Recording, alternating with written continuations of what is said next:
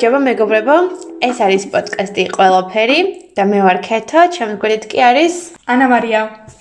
ჩვენ დღეს ვილაპარაკებთ დამოუკიდებელი ცხოვრების შესახებ და გვინდა რომ გაგიზიაროთ ჩვენი გამოცდილებები, ასევე რაღაც რჩევები მოგცეთ და ზოგადად ვისაუბროთ იმაზე თუ რისი ცოდნა გჭირდებათ და რა გამოწვევების წინაშე აღმოჩნდებით თუ კი რაღაც დამოუკიდებელ ცხოვრებას გადაწყვეტთ. მე და ქეთა მეორე კურსელები ვართ და ამ ორი კურსის განმავლობაში რაღაც პერიოდი მოგვიწია რომ გვეცხოვრა დამოუკიდებლად. მე იყო ონლაინ სწავლება და ამიტომ დავბრუნდით ბათუმში, მაგრამ ეხლა ჩვენს უნივერსიტეტში აღდგა ოფლაინ სწავლება და შესაბამისად ისევ გვიწევს მარტო მშობლების გარეშე ცხოვრება. და ამ პერიოდის განმავლობაში საკმაოდ ბევრი რამე ვისწავლეთ.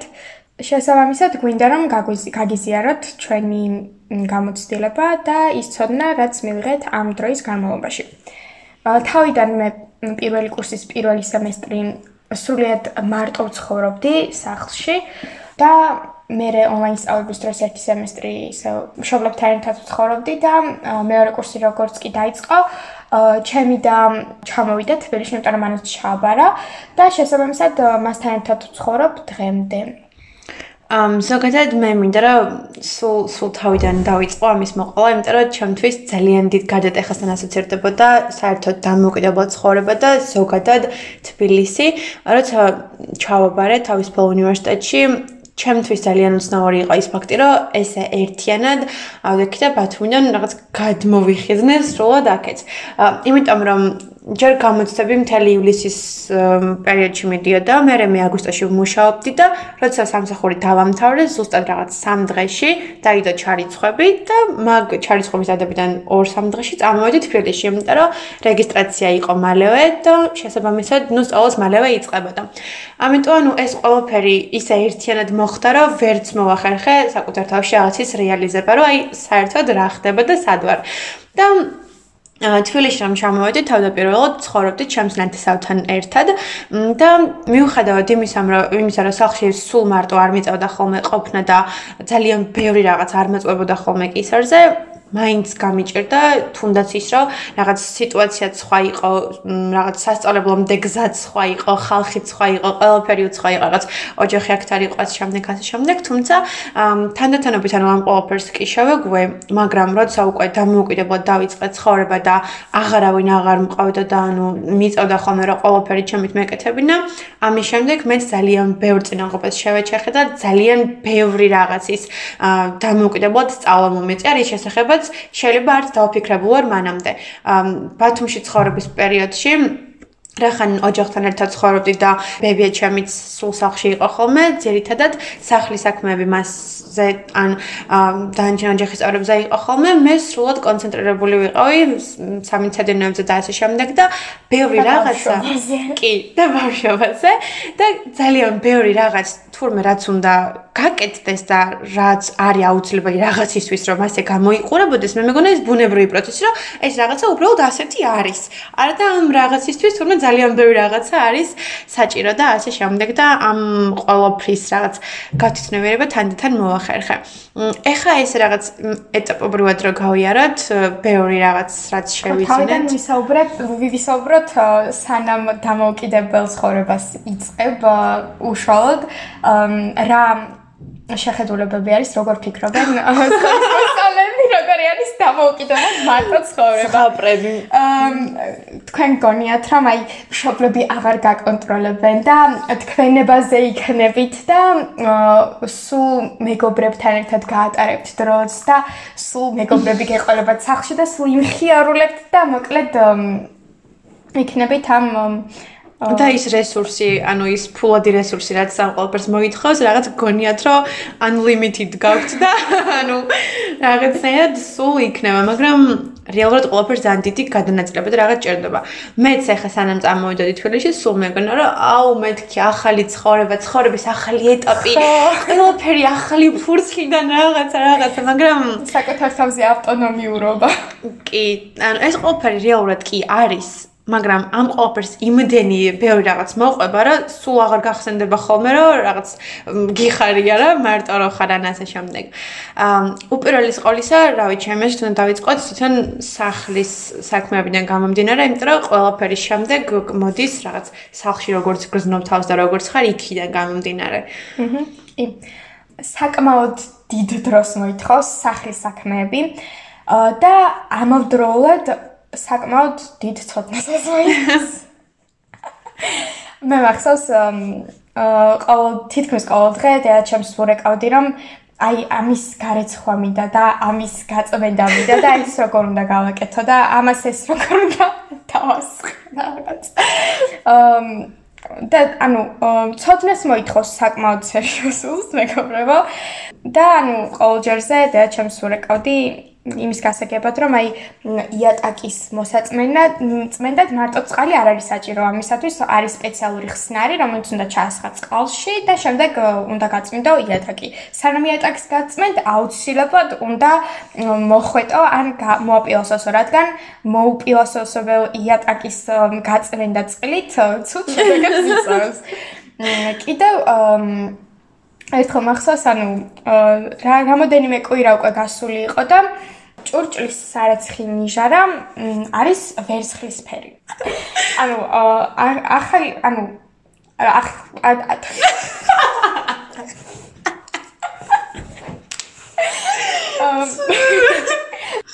პეც თავიდან რომ ჩავედი აშკარად ნიჟარა არის ვერცხლისფერი, მაგრამ მე გაშავდა. და ნუ მე და ნიჟარას მაგრამ არის წმინდება და მეთქი ალბათ ის ახალი რომ იყო და გამოყენებელი რომ იყო, მაგიტო იყო ვერცხლისფერი და ეხა გამოყენების დროს არის შავი. ხა და ერთ დღეს ჩამოვიდა დედა ჩემი და უცებ მხვდება ვერცხლისფერი. ნიჟარა. ისე როგორც მე გამოსა თეთრი გაზი. თურმე ამისთვისაც არსებობს სპეციალური ფხვნილი, რომელიც უზრუნველყოფს ამის საფუძვლიან და კარგად გაწმენდვას. ყველაზე მეტად ვერ ვიტან ტანსაცმლის გარესხვას, იმიტომ რომ ყოველთვის აი ფილმებში რომ არის რომ უცებ გამოიღებენ თეთრი პერანგი რო იყო და მაგის ფერი პერანგი რო არის, სულ ეგეთ შეგრძნებელ მოხსო მე რაღაცას არასწორად და თან ის მოწყობილობა სარეცხი მანქანა არის რუსულად და რუსული არ ვიცი მე. და ყოველ გარესხვაზე ვერაკავდი და მარჩიელო და აი ამის გარეთ სხვა მინდა და ხო სწორად ვაკეთებ და ამას უნდა დავაჭირო თუ იმას უნდა დავაჭირო. ამ კიდევ რეალურად მაგის გარდა ანუ დარეცხვის და დაალაგების რაღაც რაღაცების გარდა კიდე ძალიან ბევრი რაღაცა არის რისი გრასში გათვითმება ძალიან გჭირდებათ. მაგალითად საჭმლის მომზადება. და ეს არის ძალიან დიდი გამოწვევა. მიუხედავად იმისა, რომ ხა მე პირადად დიდად არ გამიჭერდა, იმიტომ რომ დედა ჩემს პროფესიული სასწავლებელი აქვს და მანდ გავიარე რაღაც რამდენიმე თვიანი კულინარიის კურსი და ეს უბრალოდ ჩემი ინტერესებისთვის გავიარე ლოკდაუნი რო იყო და მე ძალიან გამომადგა. და აა თან ბებოს რაღაცებს მასწავლიდა ხოლმე ცოტა-ცოტას ახლა ბევრი რაღაც ახლა რო გითხათ ძალიან ისეთი რაღაც ჩახოხბილი და ხარჩოს გაკეთება ვიცი მეთქი რო გითხათ ტყუილი ტყუილი იქნება. მაგრამ ნუ ისეთი რაღაცები შედარებით მარტივი მაგრამ თან ახლა არც თუ ისე კომპლექსური რაღაცების მომწდება, ვიცი. ყოველთვის დაინტერესებული ვიყავი ამ საჭმის კეთების პროცესით და აი ძალიან პატარა როცა ვიყავი, მაშინ დედაჩემს ვეხმარებოდი მოკლედ.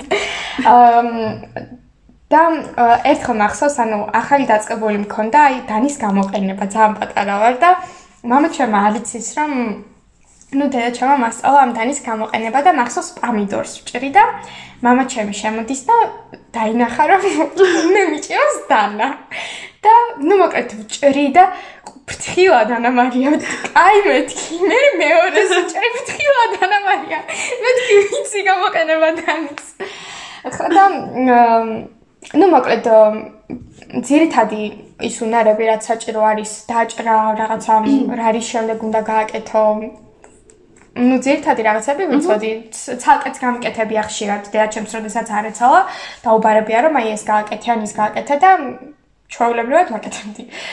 რა თქმა უნდა ხა და ჩემს ვერ შეედრებოდა ის ჩემი გაკეთებული მაგრამ იჭმეოდა. ხო და ანუ მე კი ვიცოდი ეს რაღაც დაჭერდა რაღაცა, მაგრამ აი დამოუკიდებლად რომ ხარ სრულად დამოუკიდებლად რომ გიწევს რაღაცის გაკეთება, ანუ ესეც სოდნასთან და გამოცდილებასთან მოდის და თქვათ თუ დეჩემ სუპს აკეთებდა და მე ვჭრიდი და რაღაცას გავრეცხავდი და ხერხავდი და რაღაცა და თვითონ მე ქვაფში შესაბამისად ჯერ ერთ რაღაცას გაკეთებდი.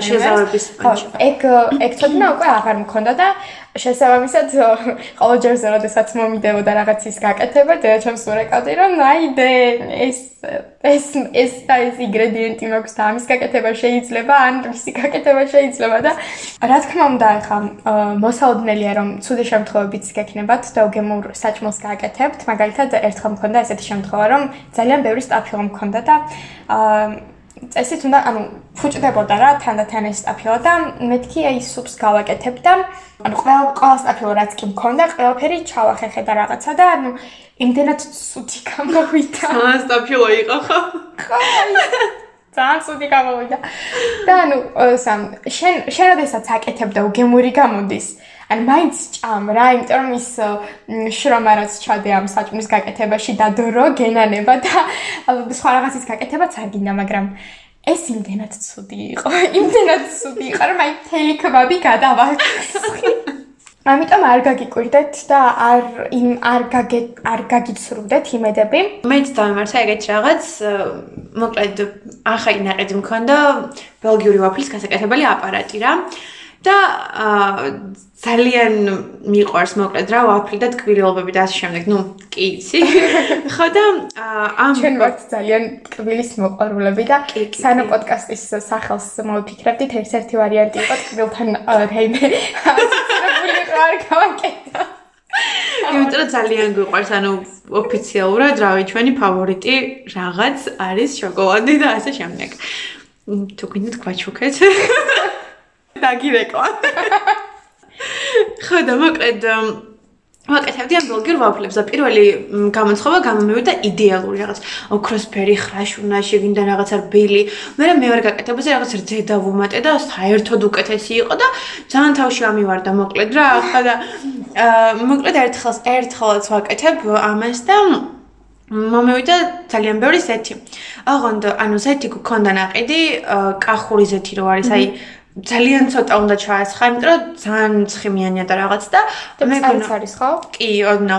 და მე გონა რომ ჩვეულებრივი ზეთი იყო და იმავე რაოდენობით ჩავასხი ამაში და ანუ ის ზეთი თუ ჭირდება ჩვეულებრივ რაღაც 250 მგ, ეს ჭირდება 100 ალბათ და ჩავასხი ეს 250 მგ და მოკლედ აშკარად ხედა რომ რაღაცა ძალიან ბლანტი სითხე არის რა, ცომივით არ შეიკრა. მე ფქვილი ვუმატე რაღაც ვუმატე ეს ისე და რა ჩავასხი მოკლედ ამ ფორმაში არც ფორმა არ გამოვიდა, ჩაიწვა, ჩაიზეთა. ძალიან ცხიმიანი იყო. მე მეეკრო ამ ყველაფერს, მე ჯერ აუფხიკე ეს რაღაცა ისა ისა. კაი, მე იქნებ მეორე ჩასხმა უკვე ეს გამოვიდეს, ანუ კატასტროფა იყო და ეს ვაფლის აპარატი, ნუ კაი, სანამ ეს გავრეცხე მე ეს ბლანტი სითხე და აი ეს აპარატი ხეხე მთელი ამით ეს ჩაეკრო და კი საშინელება იყო, ანუ საიზღრობა და სამაგად მე ძალიან დიდი სიფრთხილით ვუყურებ ხოლმე ზეთს და რავი ყველა პროდუქტს. და იგივე დამემართა კიდევ ფქვილის გამო, იმიტომ რომ ფქვილზე ძალიან ბევრი არის დამოკიდებული რეალურად რა. და თუ კი რაღაცა მიჩვეული არ ხართ რომელიღაც ფქვილზე, ესე რენდომად, იმიტომ რომ ფასდაკლებაში არის, არ უნდა იყიდოთ 5 კილოგრამიანი ფქვილი ან ნებისმიერი პროდუქტი. ამიტომ ჯობია ცოტა მეტი გადაიხადოთ და ხარისხიანი ვიდრე ფასდაკლებაში 5 კილოგრამიანი ფქვილი შეიძინოთ და არაფრად არ ვარგოდეს. და მაგის გასაღება. გასაღება კი. მმ თან წარმომდგენი ახლა იმის გარეცხვა და თან ცხიმიანი თან აი ცხიმიანი ტაფის გარეცხვა არის საშინელება და ეხა ჩემი და ხანდახან რომ ეხმარება და რომ რეცხავს ამ ჭურჭელს სულ მიტოვებს. ტაფას სულ. არ მახსოვს რომ ერთხელ ერთხელ გაერეცხოს და ის ტაფა არ დაეტოვებინოს. და ძალიან მნიშვნელოვანი არის რომ ყვების რაციონში სხვადასხვა პროდუქტი და სხვადასხვა ნივთიერებები და შეიყვანოთ განსხვავებული პროდუქტები. თუმცა სხვადასხვა ფერსაც კი მნიშვნელობა აქვს პროდუქტების და მაგასაც ერთ-ერთი ქართული ბლოგერი არის. მიიღეთ ყველაფერი. ხო, ყველაფერი. nutritions ქართულად არ ვიცი როგორ არის. აა ხო და მარტო კარტოფ შემწვარ კარტოფილზე და ციციბურაზე ნუ იქნებით და შეეცადეთ რომ აი და კვერცხზე და ანაკომებზე. ხო. ანუ მართლა ვერ ხვდები აი ყოველდღე მაგას როგორ ჭამენ.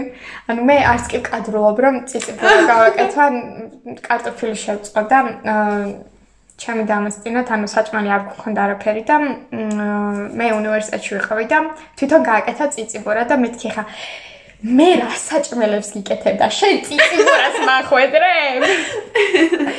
ხო, მიჩვევაზე არის რეალურად დამოკიდებული არის ხელ და ორჯერ შეაჩვევით ესე ფერად და მრავალფეროვან საჭმლის მიღებას, მე უკვე ძალიან მიუღებელი იქნება თქვენი ორგანიზმისთვისაც, რომ რაღაცა უბრალოდ, აი, მესმის რომ შეიძლება რაღაც გეჩქარებოდეთ და უცებ კვერცხი შეიწოდა რაღაც, მაგრამ ეს ახლა ყოველდღიური ლაიფსტაილი რო არის, ანუ ეგ არა, ეგ უნდა გამორიცხოთ, იმიტომ რომ ყველაფერი წება კუჭიდან და ზოგადად თქვენი ხასიათების შემდეგ ჯანმრთელობაც ყველაფერი არის დამოკიდებული კვებაზე.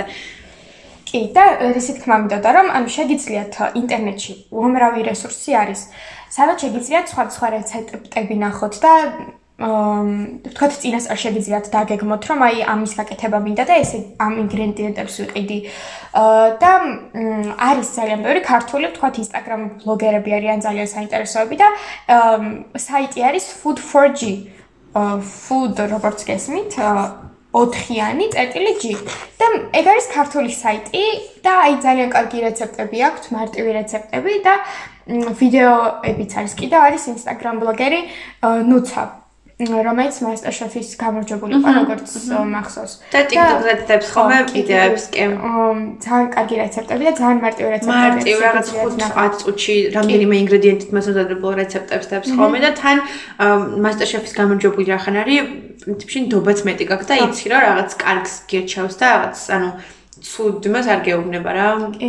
ახლა კიდევ ყველაზე მთავარი არის პროდუქტები რეალურად, იმიტომ რომ პროდუქტების შეძენა კიდე ცალკე ხელოვნებაა. მე ზოგადად მიჩვეული ვიყავი ბათუმში, რახან დიდი ოჯახი ვართ და ბევრი ცხოვრობთ. აა მე, мама, ჩემი ძმა, დედა და ბებო ხუთნი რეალურად.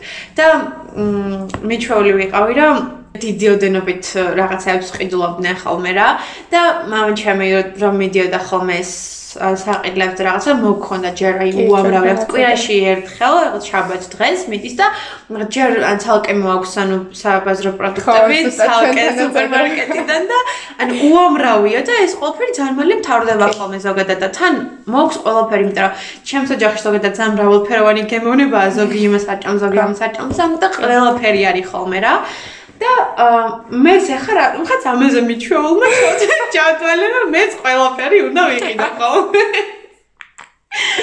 და რეალურად მე რჩებოდა ძალიან ბევრი გამოუყენებელი პროდუქტი რომელიც მე ფუჭდებოდა და მე კიდე ძალიან არ მიყვარს აი ორგანულად ვერ ვიტან პროდუქტის გადაყრას რა. და საჭულის გადაყრაც არ მიყვარს. აი მირჩენე ცოტა გავაკეთე და ბოლომდე შევჭამა ვიდრე დავტავა და მე გადავყარო რა. ძალიან ცუდად მაგზნობენებს ხოლმე ეგ თავს. და თავიდან რო აი ეს პროდუქტი რომ მიფუჭდებოდა მე ხა ამდენი ჭამაც აღარ მინდოდა და რა მექნა და მოკლედ მიწოდა რა ან გადამეყარა. ანუ ზეცადად დებდი ხოლმე რომ ვიღაცებს წაიღოთ რა და მე თანდათანობით ნუ მივეჩვია თან ის არის რომ ყველაფერს თავისი ის აქვს სპეციფიკა თუნდაც მაგალითად აა პომიდრის შერჩევასაც რაღაცა ძალიან ისე ასარჩევი არის რა. რა როგორ უნდა შეინახო, სად უნდა შეინახო. დიდ ოჯახზე გამახსენდა რომ აი რადგან დიდი ოჯახი ვიყავით, გამახსენდა რომ მე ვთქვი დიდი ოჯახი მაქვს და მე გამახსენდა შენი ოჯახი. მე ამიტომ ერთი უკეთროდ ჩვენ ვართ მე კიდე მყავს სამი დაძმა და ქეთას მარტო ერთი ძმა ყავს, მაგრამ შენთან ბებია შენ ცხოვრობს კიდე. ხა. ხო და დიდ ოჯახზე გავახსენდა რომ ან რა თქმა უნდა ჩემი აკეთებდა სულ დიდ პორციებს და თავიდან მე დიდ პორციებს აკეთებდი და ერთი კვირა მიწოდა იმ ერთი რაღაცის ჭამა. და პურს მეყიდულა ორი ცალი პური რო. მე რო გიხმება ეს პური, იმიტომ რომ ერთი ნაჭრის მეტს რო ვერ ჭამ. მე მე პურს ფაჩერ სანიშვადად ყიდულობ არ მეყვარს ძალიან. ეგ არის, მე რო დავიწყე მოკლედ ესე დამოკიდებლად ცხოვრება, მაშინ აღმოაჩინე თუ მე პურს არ ჭამ. იმიტომ რომ ყიდულობდი ამ პურს, ახლა მიჩვეული რა უნდა იყიდო ეს პური და მე დო ეს პური და ხმებოდა მე და მე ისევ ჩემის არაფავორიტი აქტივობა რომ გადამეგდო ეს პური.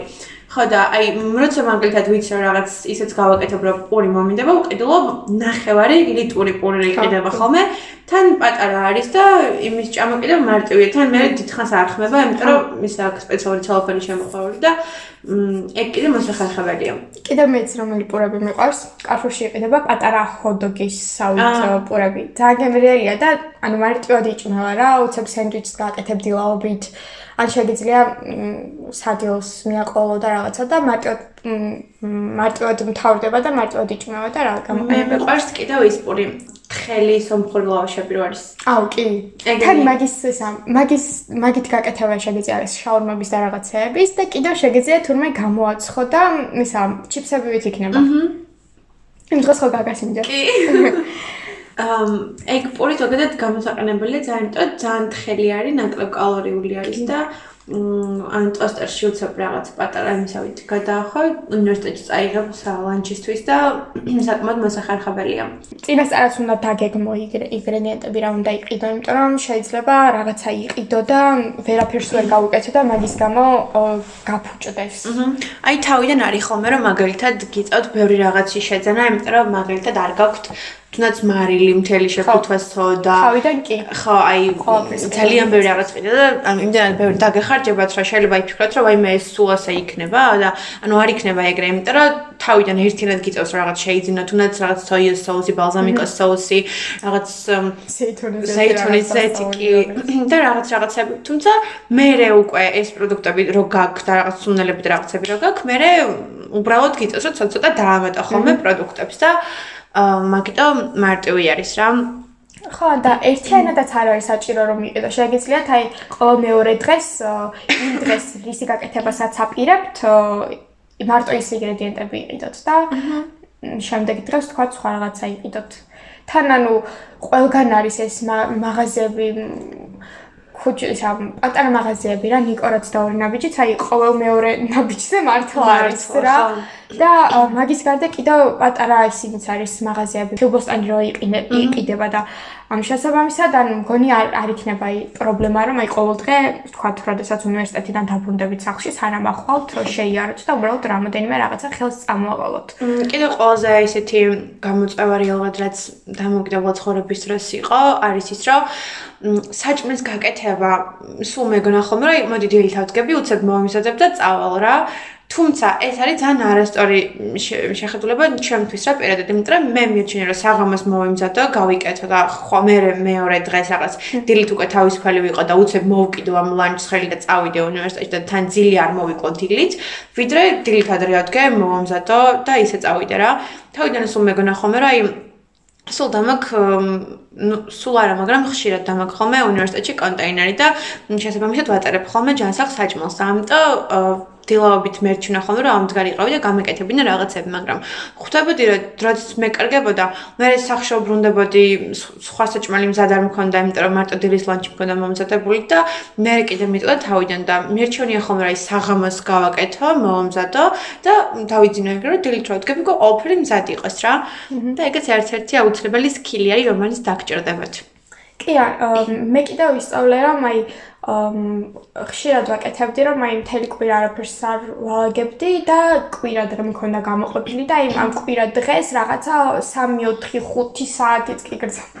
კაი 4-5 საათი არ გრძელდა, მაგრამ ანუ შესაძლებელი სკროლებით რაღაცებით. არა, არა, ერთიანად რო ვიწყებდი, აი მთელ სახელს დავაწყრიალებდი და მე ეს დახლილობა რო გაქვს და რომ დაწვევი ლოგინში და რომ დაისვენებ, აი ეს კარგი შექმნა იყო. მაგრამ ანუ ვისწავლე რომ აი ყოველ დღე ცოტა-ცოტა გაკეთება ჯობია, ვიდრე ერთი დღე დაუთმო მთლიანად და რაღაც კარგულიც აღარ არის მე კვირა დღე. აი მაგალითად, როდესაც მეცადინეობთ და რაღაცა შესვენება გინდათ და რაღაცა იმის მეგრად რომ სკროლოთ და მაგით განიტვირთოთ, სინამდვილეში შეგ განტვირთვა არ არის პირიქით უფრო უიღლება ტვინი, იმიტომ რომ ბევრ არასაჭირო ინფორმაციას ღებულობს და იმის მეგრად რომ სკროლოთ რაღაც Facebook-ი ან Instagram-ი, ჯობია რომ რაღაცა თქვათ მოხვეტოთ ან რაღაცა საჭმელი გააკეთოთ ან ჭურჭელი დარიცხოთ და ანუ ასე დროსაც მოიგებთ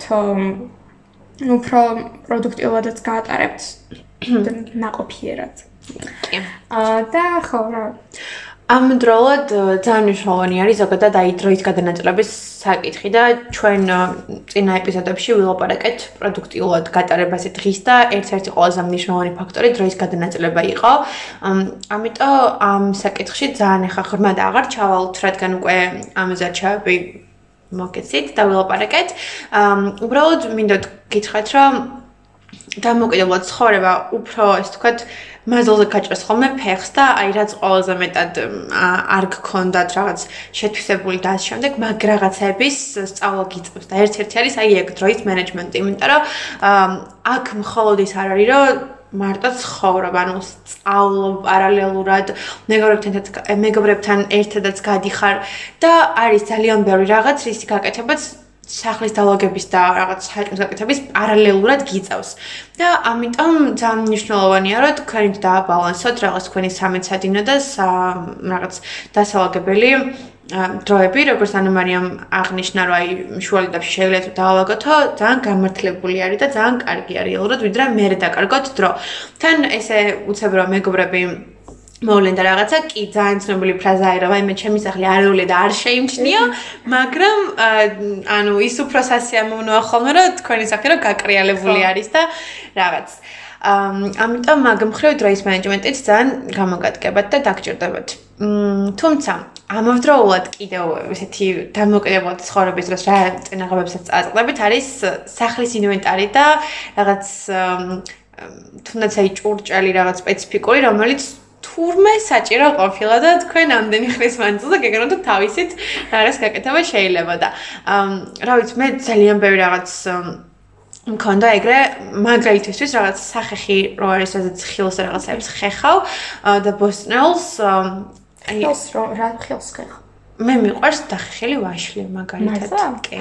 ეს ჭამ. ანუ ეგრე ყოველთვის არა არ მცალია ხოლმე ყოველთვის მაგრამ ძალიან მიყვარს რა დახეხილი ხილს ავხეხავ არასდროს არ ზუსტად მიფიქრე რომ ეგრე მეწომა რა. აი მაგალითად ვაშლის პარაკს როცა აკეთებ მაშინ თქვენ დახეხა და რაღაცაები და აი მაგიდან რომ მიხვდა ძალიან ფაფასავი და ძალიან გემრიელად იჭმო მაგიტო მაგის არა ხეხა ხოლმე და ვამეტებ ხოლმე თაფს ბანანს რაღაცაებს და დარიჩინი მოხდება აუ ძალიან მოხდება ვაშლის დარიჩინი. ვცდი.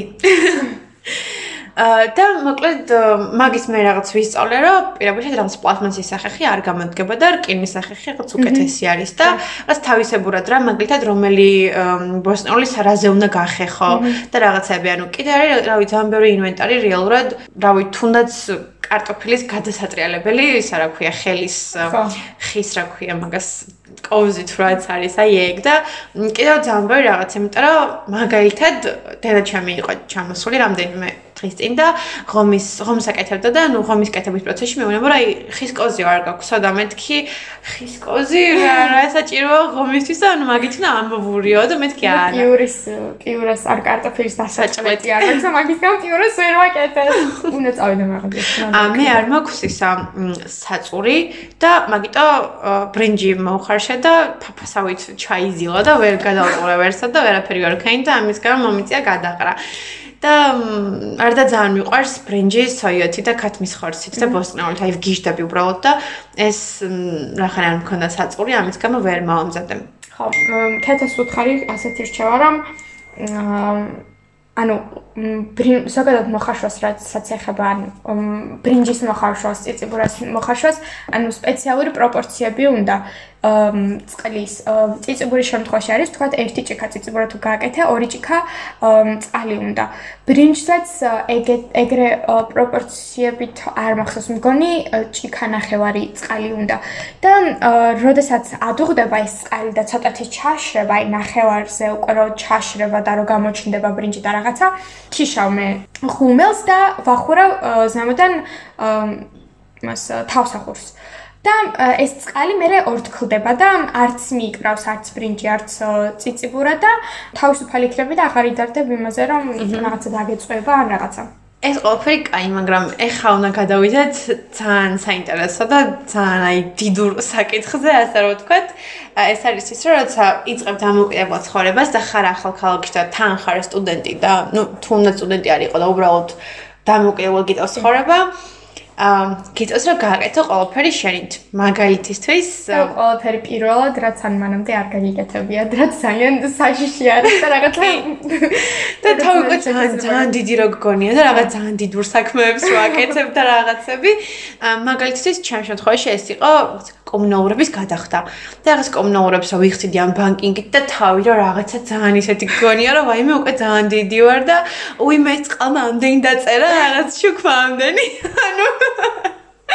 ძალიან მაგარი შეგრძნება. კიდევ ბანკში წასვლა და ბარათის შეკვეთა ყოველას მოგიწევთ სტუდენტური ბარათის შეკვეთა და ეგეც მან მარტო მოგიწევთ წასვლა. ასევე კიდევ სტუდენტურზე ბარემ ერთი ძალიან კარგი ისტორია. ჩემი ისტორია. მოკლედ რაც ჩამოვედი თბილისში, პირველი რაც გავაკეთე იყო რომ შევუკვეთე სტუდენტური ბარათი. და იქ არის ვიზუალები და მივუთითე რომელიღაც ვიზუალი, რომელიც აღარ მახსოვდა მე რომელი ვიზუალი მივუთითე და იმდენი ხანი გავიდა, რომ თან რა ჩავაბარე, მე მაშინ ვიყავი 17 წლის. ამ და ჩემი სკოლკარტი ჯერ კიდევ ფუნქციონირებდა და ამიტომ ვიყენებდი სკოლკარტს და სტუდენტური რა შევუკეთე საერთოდ დამავიწყდა მაგის გამოტანა და ვიცოდი რომ რაღაც ორი კვირის მერე ეს სტუდენტური თუ არ მოიკითხე ბრუნდება სადღაც სათაო ფილიალში და თავი უნდა შევუკეთო. ეხლა საუბარი არის საქართველოს სტუდენტური ბარათი რომ რომ ანუ რომლის შეკვეთა ხდება ინტერნეტით და მე SMS-ი არ მოგდის დამზადება თუ არა თქვენი ბარათი. უბრალოდ ნუ მიეკითხო იმ ფილიალში რომელსაც მიუთითებ შენ თვითონ. და მოკლედ ძალიან დიდი ხანი დავდიოდი ამ სტუდენტური ბარათის გარეშე არა და სტუდენტურზე არის ძალიან ბევრი ფასდაკლება და შეღავათი. ტრანსპორტზე არის ყველაზე დიდი შეღავათი. და მე ნუ სკულ კარტით ვიხდიდი ჩვეულებრივად რა, მაშინ როცა შემოძლო გაცლებით უფრო იაფად მემგზავრა და გადის ახლა რამდენიმე თვე და უცებ ანე მარია მეკითხები რა ქენიო შენ სტუდენტურიო გამოიტანეო და მეთქი არა არ გამოვიტანე და ანუ ოფიციალურად მათერა მთელი დღე რა წადი გოგო რაღაც წამოიღე სტუდენტური ბარათი და შევედი ახლა ამ საიტზე და თავიდან და შევუკვეთო ამიტომ რომ მგონია რომ всё ეს ორი კვირა რახან გავიდე ჩემი სტუდენტური ბარათი მორჩა და თან ანუ მაგამდე სანამ ვიზუალის არჩევაზე გადავიდოდი უნივერსიტეტში დავდიოდი ხო ხედავდი ვის როგორი სტუდენტური ბარათის ვიზუალი ქონდა და ვამბობდი რომ უიმე მეთქი ყოველს რა ეს ვიზუალი აურჩევია თქო კიდე კაი რომ ის ძველი ბარათი გამიუქმდა თქო თორე მე მგონი იქაც ეგ ვიზუალი ვიზუალი ავარჩიე თქო და ეხა მეთქი აი რაიმე სხვა ვიზუალი უნდა ავიღო თქო და აა მიჩვენა იმ საიტზე რომ ვეღარ შევუკეთებთ რადგან თქვენი ბარათი თქვენ დამზადებული და ბარათი არისო ბანკშიო რა. ანუ არ დაბრუნებულა საერთოდ არსად იმ ბანკში იდო იქ. და მოკლედ წავედი მეორე დღეს ამ ბანკში სულ ლოცვა-ლოცვით მივდიოდი ამ ბანკამდე რომ მეთქი გთხოვის ვიზუალი არ მქონდეს არჩეული გეხვეწები და მოკლედ რომ მივედი ძალიან დიდხანს ეძებეს ჩემი ბარათი იმიტომ რომ ბოლოში იყო სადღაც ჩარჩენილი სადღაც აი ყველა ბარათი ედოზევიდან და სულ სულ ქვევით იყო და აი რა გამოვიტანე ეს ბარათი, მოკლედ ეხა მეთქი გავხსნა უნდა ეს კონვერტი და ამოვიღო და იქ ღმერთო გთხოვ მეთქი ის ვიზუალი არ მქონდეს და აბა გამოიცანით რა ვიზუალი ქონდა ამ ჩემ ბარათს. ვიზუალი გაქვს. ამ ჩემ ვიზუალი არის აი ეს. აა, ფეხსაცმელები, და თვალები, და თვალები და რაღაც ფორმულები და ასე შემდეგ. იდეაში ვითო ძალიან არტი მინდოდა რომ ყოფილიყო ვიზუალით, მაგრამ თურმე ყველა ჩემმა ფრიუნელმა მეგობარმა კურსელმა გადაწყვიტა რომ მათაც უნდათ რომ არტი ყოფილიყო. მაგრამ ანუ მარტო ხუთი ბარათი არის და ყოველ წელს აფარებს 40000 სტუდენტის. აა, მაგრამ ანუ მარტო ყოველას ეს ქონდა. იმენა ყოველას ეს ვიზუალი ქონდა. ერთი შენ გქონდა საბედნიეროდ. ის მე ხარ რა თქმა უნდა ქუსებიანი ბარათი მეკითხება. და მოკლედ არ და გავიწყეთ ბარათის შეკვეთა და მე გამოტანა. და სამი თვე ჩემსავით უშეღავათოდ არ ინგზავროთ ტრანსპორტით. ხო, და ანუ ძალიან ბევრი შეღავათები არის, ანუ 50 თეთრი ღირს ტრანსპორტით მგზავრობა და სტუდენტურით 20 20 თეთრი გამოდის მეტროში. ძალიან ბევრი სხვა ფასდაკლებებიც არის ინტერნეტში რომ შეხვიდეთ. ყოველ კვირა რაღაცის ფასდაკლება, მაგალითად ამასწინათ ვიყიდე ივროშაში 50%-იანი ფასდაკლებით ერთი დღე იყო და ვიყიდე შამპუნები და რაღაცები. და ასე TBC ბანკსაც აქვს სტუდენტური ბარათი, მაგრამ ეს ფასტ ანუ ამ სტუდენტური ბარათით ტრანსპორტზე არ ვრცელდება ეს ფასტაკლება და სტუდენტური შეღავათები და რაღაცები, მაგრამ თვითონ უშუალოდ ბანკს აქვს რაღაც ცალკე ფასტაკლებები, რომ აი ამა და ამ მაღაზიაში, ამა და ამ დღეს თუ მიხვალ, და რაღაცა ფასდაკლება გექნება ამდენი პროცენტით. ამიტომ აუცილებელი აუცილებელი არის ამ სტუდენტური ბაზრეთის შეძენა. ისე ამავდროულად სტუდენტურ ფასდაკლებაზე გამახსენდა, ბარემ პირადობაზე შეგიძლიათ დააწეროთ სტუდენტი და ამითი ეს ძალიან დაგეხმარებათ, იმიტომ რომ თქვენი რაღაც სიები მონაცემები რაღაც ბაზაში და რომ მიდიხართ ანუ იქ დატოვებთ თქვენ პირადობას 5 სამუშაო დღის მანძილზე, მანამდე გატანენ რაღაცა ფურცელს, რომელთაც რომელიც შემცვლელი არის პირადობის და იქ დაგიწერენ სტუდენტს და ანუ მაგალითად სადმე რო წახვალთ, აღარ მოგიწევთ რა სტუდენტური ბარით დაგრჩათ, მაგეთი შეგიძლიათ რომ გამოიყენოთ და მატარებელზეც მაგალითად მე და ანა მარია ერთი ერთი პერიოდი ასეთ ხო კი კი ანუ ასამ აუცილებელი იყო რომ იუსტიციის სახლში მიგეტანეს პირადობა და დაგედასწრებინა რომ სტუდენტი იყავი რომ მატარებელს მიეჩან მატარებლის კომპანიას რა ქვია რკინიგსას მიეჩნია რომ შეხარ სტუდენტი და ამიტომ ფასდაკლება გეკუთვნის მაგრამ ეხლა აუცილებელი აღარ არის როგორც მივხვდი აუცილებელი არ არის რომ იუსტიციის სახლში მიხვიდე. ანუ თვითონ ბაზაში რომ ხარ უკვე ეგ ბაზა გადაიცემა ამ რკინიგსის ხო არა სტუდენტური ბარათი თუ გაქვე აღებული ესეც. ანუ ამით გიაქტიურდება თუ რაღაცა ეგ არა თავიდან ანუ მე მახსოვს რომ ვერ გამოვიყენე შარშან იმიტომ რომ არც სტუდენტური ბარათი არ მქონდა და არც პერიოდობაზე არ მეწერა სტუდენტი და სიაშიც არ ჩანდი იმიტომ რომ რაღაც არ მქონდა არ ვიცი რა არ არისო გადმოცემული ეს სიები იმიტომ რომ სიების გადმოცემას რაღაც დრო სჭირდება და მაშინ ანუ ეგრევე არ გეძლევა რა. მაგალითად 9 სექტემბერს დაიწყო ჩვენი სწავლა უკვე 9-ში მე ოფიციალურად სტუდენტი ვიყავი მაგრამ რო დამჭირდა ოქტომბერში წასვლა ვერ წავედი იმიტომ რომ სიები არ იყო ოქტომბრის ბოლომდე. ხო. და რაღაც პერიოდი დაგჭირდებათ რომ დაელოდოთ იმისათვის რომ სტუდენტური ბარათი გააქტიურდეთ გააქტიუროთ. რათა ბანკმა იცოდეს რომ და 50%-იანი ფასაკლებით იმგზავრებთ მატარებლით ჩვეულებრივად შეღავათიანით და 13 და 50 ღირს ახლა მე მგონი ხო დაახლოებით 15 ვანამდე მოკლედ. აჰა. ხო, ბანკის გარდა ასევე აუცილებელია ახსენო რომ ექიმთან მოგიწევს კიდე მარტო სიარული. მე მახსოვს რომ ანუ ხშირად დავდიო მიწოდა ექიმთან სიარული და სულდეა ჩემ იმახლდა და ექიმი როდესაც საუბრობდა სულდეა ჩემ ყურადღებით უსმენდა მე რაღაცას გავიგებდი და მე და ხა ეს ამიქვიმე ეს აი გულისხმე და გავაკეთე როგორ უნდა გავაკეთო ისე და ჩემ ზე ვიყავ ფაქტობრივად დამოკიდებული და მე რომ მომიწია მარტო წასვლა ექიმთან და რაღაცა პირველ რიგში დაჯავშნა და რაღაცა კიდე ძალკე საკითხი არის პირველად რომ ჯავშნი რაღაც შეყვედრას და რაღაცა მე კიდევ ექიმთან გასაუბრება რომ ყველაფერი უნდა გაიგო და ყველაფერი სწორად უნდა ჩაინიშნო და არ წამალი როდის უნდა დალიო კარგად უნდა გაიგო და რაღაც ჩვენი ისტორია ცეი დახლა წავს ჰაკა მოკლედ.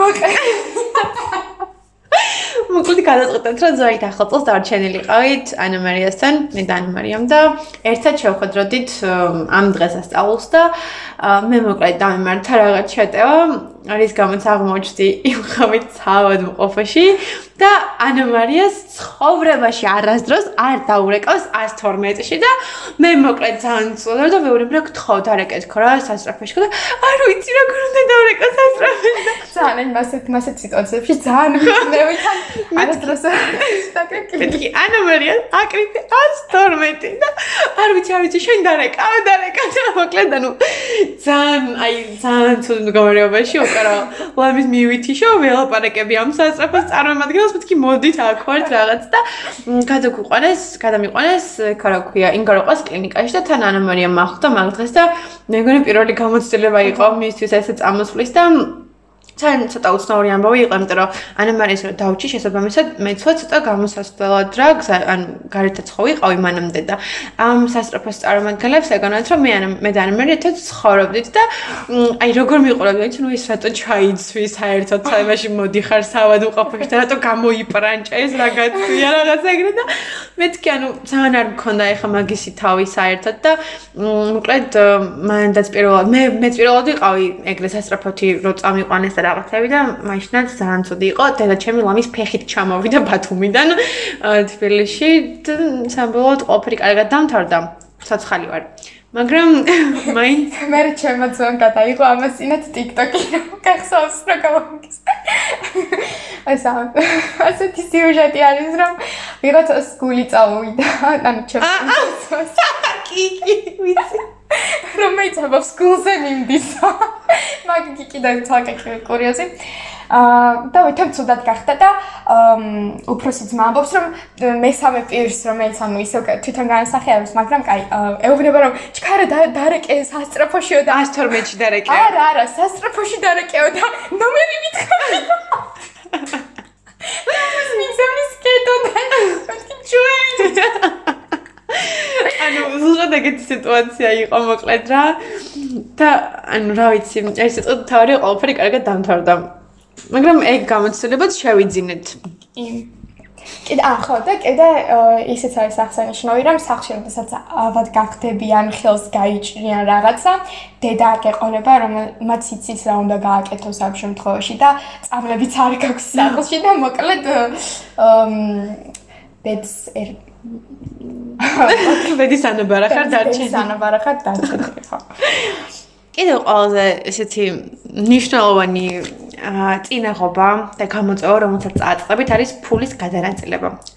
ანუ ჩვენი ყველაზე სენსიტიური ნაწილი პირველ კურსზე ეხა იმდენად აღარ, მაგრამ ადრე საერთოდ მოკლედ ჩვენები, ჩვენები გვერიცხავდნენ ხოლმე ფულს, რაღაც მე მერიცხავდა ჯერ თვის დასაწყისში, მე შუა რიცხვში რა, რომ რაღაცა ერთიანად მე მთელი თვის მანძილზე იცოდა რომ მიჭირს გადანაწილება თანხის და ამიტომ საერთოდ მშიერი რო არ დარჩეო, ჯობიაო რომ ჯერ პირველს ჩაგრიცხავდა, მე 15-შია და მიუხედავად ამისა, ანუ ამ ორი კვირის მანძილზე ძალიან მიჭირდა ამ თანხის გადანაწილება რა. იმიტომ რომ უაზროდ ბევრ რაღაცაში ხარჯავდი ფულს, აა რა ვიცი, არასდროს უარს არ ვამბობდი ისეთი რაღაცების ყიდვაზე, რაც შეიძლება არ მიჭირდებოდა საერთოდ. და ამის გამო ძალიან ბევრ იმაზე გადიოდა რა, ანუ თანახარჯებზე რეალურად და საბოლოოდ ისე ხდებოდა, რომ რაც ყველაზე მეტად მიჭირდებოდა, იმისთვის ფული აღარ მიჩებოდა მე. ხოდა ანი მარია მე ძალიან კარგი ხალხი შეიმუშავა, ეხლა მოგიყვებათ. რა ჩამოწერე? აა ხო. მე რა ხერხი შემოშოვე? მე რო ყოფი ხოლმე შენს მიგნებებს ხასრიალოებზე რაღაც ჩამოწერაზე. აა მეც დაახლოებით ეგეთი სიტუაცია მქონდა თავიდან მშობლებმა დამიტოვეს საკმაოდ სოლიდური თანხა რა. და პირველად რომ ხედავ ამ ხელ რაოდენობის თანხა. ერთად ხო? და როგორმე თავი ყავს დიდარი და ყველა ფრისკიდა რო შეგიწლია და ну მოკლედ დავდიოდი რესტორნებში და თავს არ ვიცი. ეგ ის არის ხო ჩვენ ეგ წავედით დაინჰოლში რა წავედით და რა პასტა რა რაღაცაა. და მაგდას კიდე წინაზე ვიყავით კიდე იქ რაღაცები ვიყიდეთ რაღაცებს და ანუ ძალიან ესე ვიქნევდით რა ამ პუზეთის იდეა. უნივერსიტეტიდან ბრუნდებოდი სახში და მეზარებოდა საჭმლის გაკეთება და მივდიოდი რესტორანში.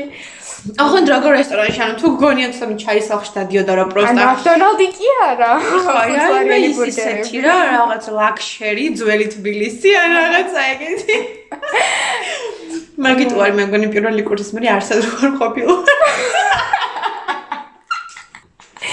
და მე მშობლები ძალიან ცოტა სრომი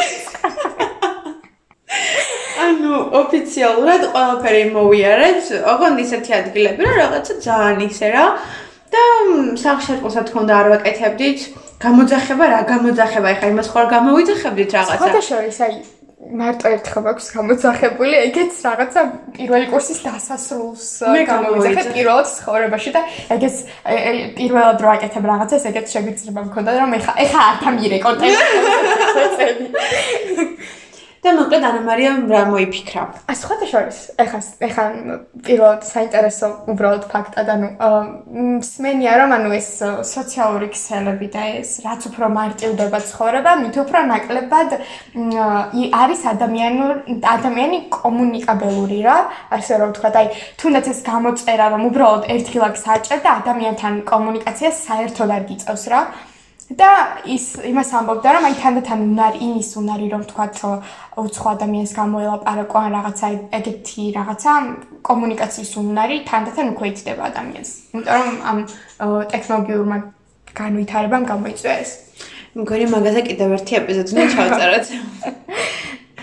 და რა სამოდი შენ შენს მიგნებაზე. არ დაგიმთავრებია რა მიგნება მსქენი. აა ხო. ბოლოს მივხვდი რომ აი ძალიან ბევრს ხარჯავდი.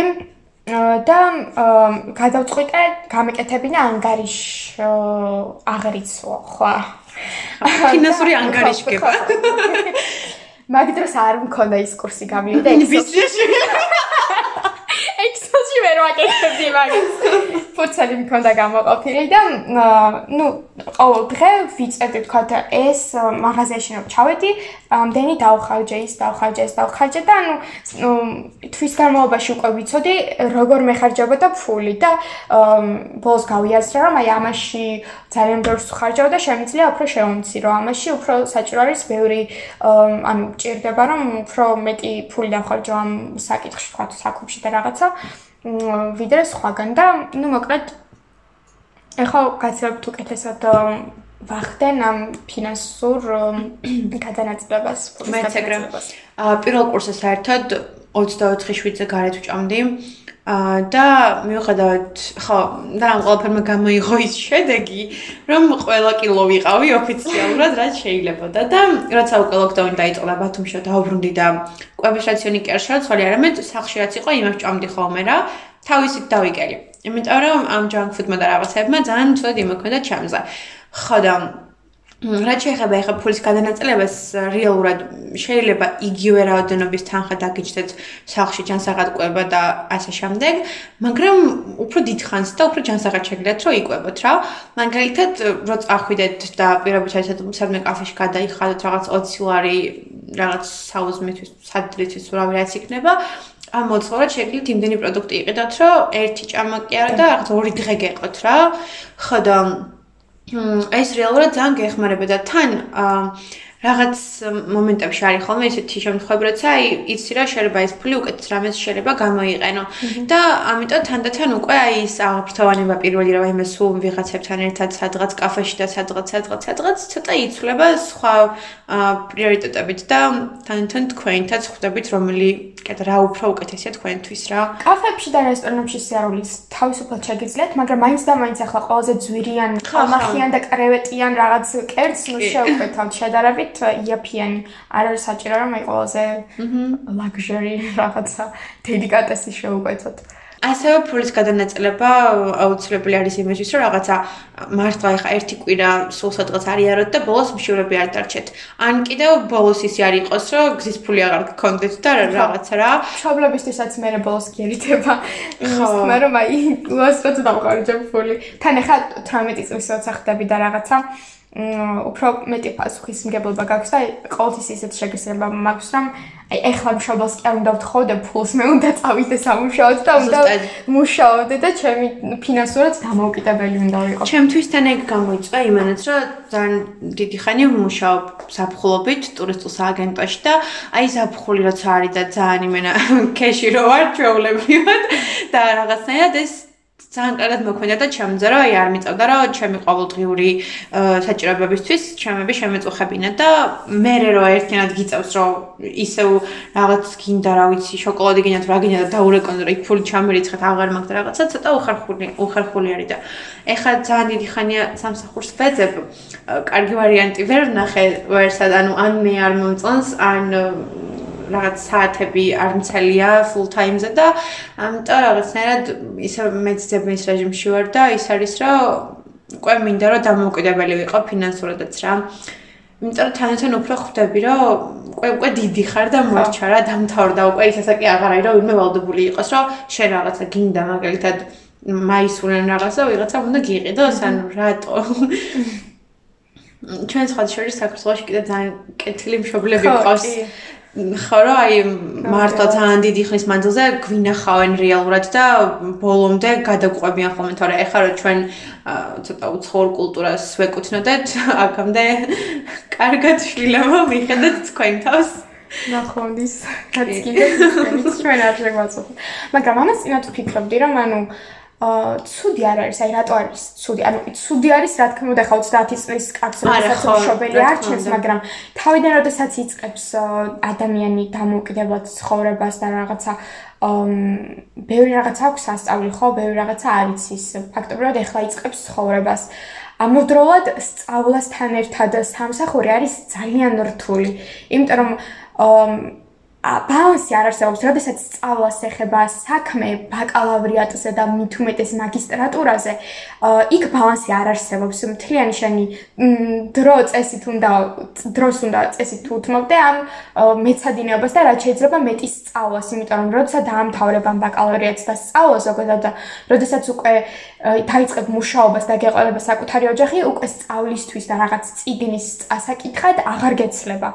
ანუ წუწუნებთ ახლა სტუდენტები ჩემ კურსები რომ აი დრო არ გვაქვს არაფრისთვის და რაღაცა და ასე მგონი ისეთ შეგრძნება მაქვს რომ აი ეხლა ვეწამები და როცა დამთავრდება უნივერსიტეტი და როცა ვიქნები დამოუკიდებელი და მარტო სამსახური მექნება 9-დან 6-მდე და მე თავისუფალი რო ვიქნები მგონია რომ ასე აღარ აღარ სტრესში აღარ ვიქნები და ერთხელ ლექტორი ლექტორი მეუბნება რომ თქვენ ახლა ძალიან ბევრი დრო გაქვთ და გამოიყენეთ. თქვენ არიცით როცა სამსახურს როცა დაიწყებთ და როცა ოჯახი გეყოლებათ რა როგორ მდგომარეობაში იქნებითო და ხო რა საბოლოოდ დავიკეთე დავიკეთე იმედი ეს მარტო სამართალს ეხება. ძალიან დიდი იმედი. ეს ანუ სხვა რაღაცით დავიწყე და სხვაგან გავაგრძე. ახო, იმაზე ვსაუბრობდით, რომ მშობელი რომ ცოტა მობიერი არის საქართველოში, ანუ საკმაოდ რთული არის სწავლის შეთავსება სამსახურთან ერთად რა. და ცენტრის ეტაპზე ჭირდება ვიღაც დამხმარე რაღაცა, თუნდაც ფინანსურად მაინც დაგეხმაროს, კი, გეთახმებ მეც მაგაში. გონი ჩვენ დღევანდელი ეპიზოდი, გონი არა, ჩვენ დღევანდელი ეპიზოდი დასასრულს მივახო და აა მე მგონი ამ წურავად გაგიზარეთ ჩვენი აა გამოწვევები და რაღაც რჩევები, რაც გვაქვს და რაც გადაგხვდა თავს ჩვენი ისტორია, ასე ვთქვათ. თუ თქვენ გაქვთ რაიმე საინტერესო ამბავი ან რაიმე თუ ისწავლეთ ისეთი რაც არ გვიხსენებია და სხვას დაეხმარება და არა მარტო სხვას ჩვენს დაგვეხმარება, შეგიძლიათ დატყოთ კომენტარი ან გაგვიზიაროთ ჩვენს Instagram გვერდზე. გამოიწერეთ ჩვენი Instagram გვერდი. აღწერაში იქნება ლინკი მითითებული. იმედია მოგეწონათ და შემდეგ პოდკასტამდე გემშვიდობებით. ნახვამდის. ნახვამდის.